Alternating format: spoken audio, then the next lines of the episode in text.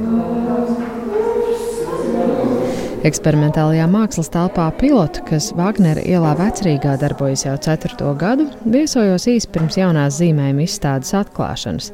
Vēl notika pēdējie priekšdarbi, kopā rosās Mākslas akadēmijas studenti un pasniedzēji. Ideja par izstādi radusies pasniedzējas Elīnas Zundes vadītā zīmēšanas kontekstuālās kompozīcijas kursa gaitā. Jā, kontekstuālā zīmēšanas kompozīcija, un tur mēs satiekamies, kas ir ar vēlmi un deksmi zīmēt, kas ir teiksim, varbūt jau par un ap jā, akadēmisko zīmējumu, bet arī aiz tā, ko zīmējums var vēl pateikt un kur ir tās zonas. Un, un šī izstāde zīme, jā, vadiski tā kursa ietvaros kopā ar studentiem nolēmām, ka jātaisa izstāde, ka tas būtu arī tāds labs veids, kā Nu, būtībā, jā, arī katram atsevišķi darbojoties, tas ir viens, bet kopā darbojoties un veidojot izstādi, tur parādās pilnīgi citas iespējas. Man šķiet, tā ir tāda brīnišķīga iespēja arī studentiem. Nu, būtībā pašiem noticēt tam, ko viņi dara. Tas ir tas procesā, tas ir tas būtiskākais. Izstādes darbus vieno ne tikai zīmējuma mēdīs, bet arī saruna par redzes fenomenu, par krāsu un melnbalto spektru, ko rosinājusi britu neiroloģa un dabas pētnieka Olivera Saksa 1996. gada grāmata Krāsu akluma sala par mazo Pingelapas salu Mikronēzijā, kur daļai salinieku ir reta paudzēs pārmantota ģenētiska kaite, ahromatopsija, jeb nespēja uztvert krāsas. Tas bija kaut kāds tāds ievads tam visam, lai veidotu sarunu par to, kāds būtu paralēls redzēji ar zīmējumu. Un tas pavadījums šķiet ļoti interesants.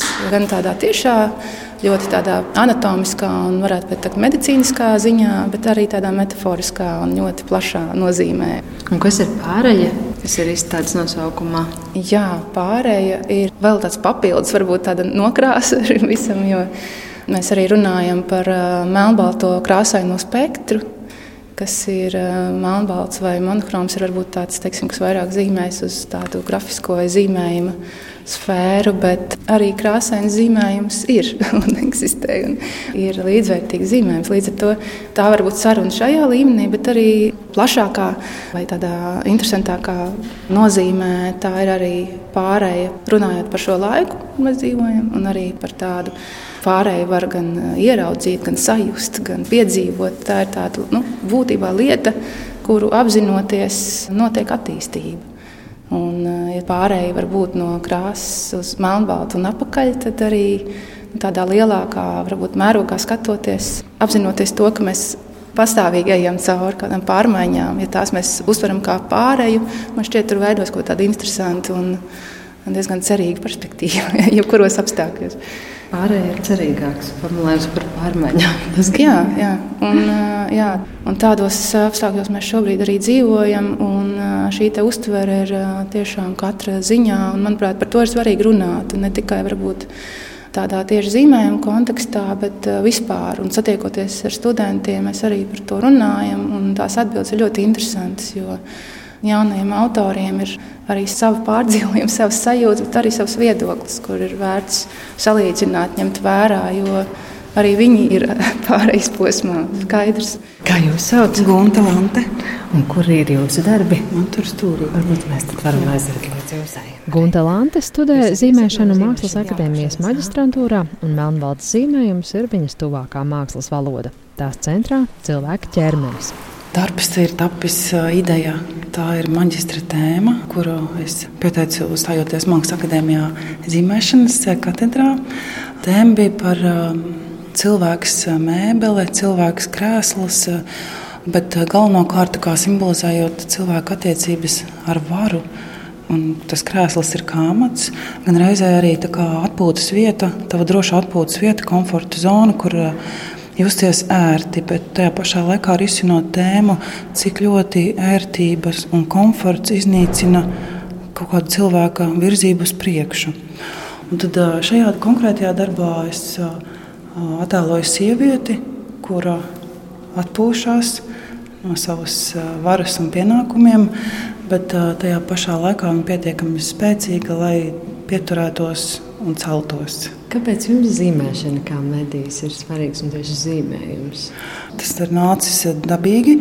laikam jau es piedzimu tāda, un Mākslas akadēmija ir devusi to iespēju, un Elīnas kurs ir devis apziņu man, tas ir mans ceļš, man tas ir ļoti būtiski. Krāsa man nes lieku papildus saturu, un reizēm, lai izteiktu būtisko, ir nepieciešams pavisam maz. Iepazīsimies Mārta Rozenberga no Kultūras Rondo, un jūs esat? Mika Salomon. Es mācos zīmēšanas specializāciju. Es esmu maģistros, otrais kurs, tad jūnijā aizstāvēšu diplomu darbu. Jā, un darbs tur. Guntas Lantes studiju biedrs Mika Solomons izstādē pārēju piedalās ar piecu darbu kompozīciju. Studēt zīmēšanu maģistrantūrā savu senču dzimtenē Latvijā viņš ieradies no ASV. Lūdzu, Miku pastāstīt par saviem zīmējumiem. Viss ir ar ogli, arī grafītu, tehniku ogles pulveris ar ūdeni sajauc un ar rotu glezno. Un tas ir zīmēšanas, gan pišķiņa kā akvarēli, bet, nu, manuprāt, vairāk zīmēšanas. Um, nu, tie visi melns balts. Um, nu, es strādāju ar fantaziju. Kaut ko līdzīgu arī citiem. Es mēģināju atrast jaunas formas, kaut ko pazīstamu, bet arī nu, vienlaicīgi dīvainu. Nu, jā, man arī interesē objektus mājās tagad un kā materializēt vai vizualizēt afektu un emocijas, kas ir saistīts ar tiem objektiem.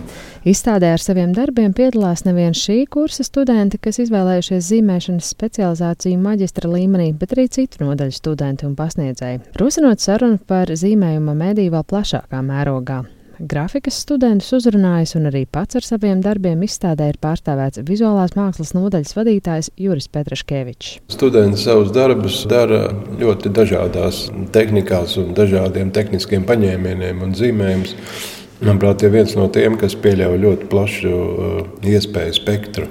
Un tas ir gan pats zīmējums kā tāds, gan arī tas, ka tas ir kombinējams ar daudzām šī gadījumā grafikas eh, tehnikām un iespējām, un arī tas, ka zīmējums tomēr arvien vairāk, arvien vairāk kļūst par patstāvīgu mākslas formu, mākslas izteiksmes veidu, un arī tas, ka jā, zīmējums ir ne tikai uzzīmēt uz kāda materiāla, bet uh, arī šī materiāla daudzveidība, arī tas, ko dod papīrs, kas eh, nu, arī ir būtībā daļa no zīmējuma, ar kura raksturu un īpašībām tas zīmējums kļūst daudzveidīgāks un bieži vien neparedzamāks.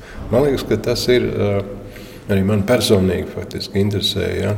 Nevis kaut ko uzzīmēt, kaut ko attēlot, bet zīmējums pats ir tas objekts, Izstādē piedalās arī māksliniece Māja Kurševa, kur strādā Mākslas akadēmijas audiovizuālās mediju mākslas nodaļā, un viņas uzrunātie studenti. Man liekas, interesanti ir paskatīties uz zīmējumu tā daudzveidībā. Pirmkārt, cik ļoti viņš ir dažāds, un otrkārt, ka viņš ir visur. Un, Mūsu gadījumā, kas ir, es pasniedzu apakšnodarbē kustību attēls skaņa, kur fokus ir tieši uz animāciju. Bet tas, ko mēs ar studentiem darām, mēs diezgan daudz zīmējam. Viņi neoficiāli to, to savu kursu saucu neakadēmiskā zīmēšana, kas arī mēs mēģinām strādāt kaut kādos citos veidos un to fokusu likt tieši uz tādu individuālā stila un sava rokraksta attīstīšanu. Un, manuprāt, svarīgi zīmēšanā ir kustināt roku, visu laiku vingrināties un trenēt. Un nav varbūt svarīgi, cik ļoti nopietna ir tēma vai cik ļoti ģeniāls ir gala rezultāts. Galvenais ir kustināt roku, vingrināties, un tas jau vienkārši bez variantiem ar katru zīmējumu tu paliec ar vien labāks un labāks un labāks. Maijas Kurševs darbs ir arī viens no pirmajiem, kas sagaida ieejot izstādē, tādēļ lūdzu viņu mazliet pastāstīt arī par to.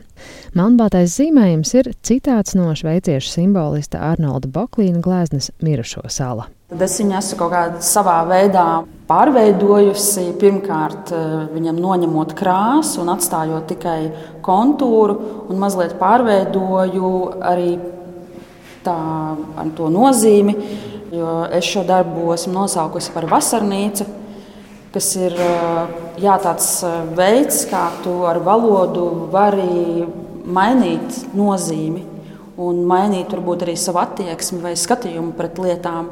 un cik viegli arī šī pāreja var notikt prātā.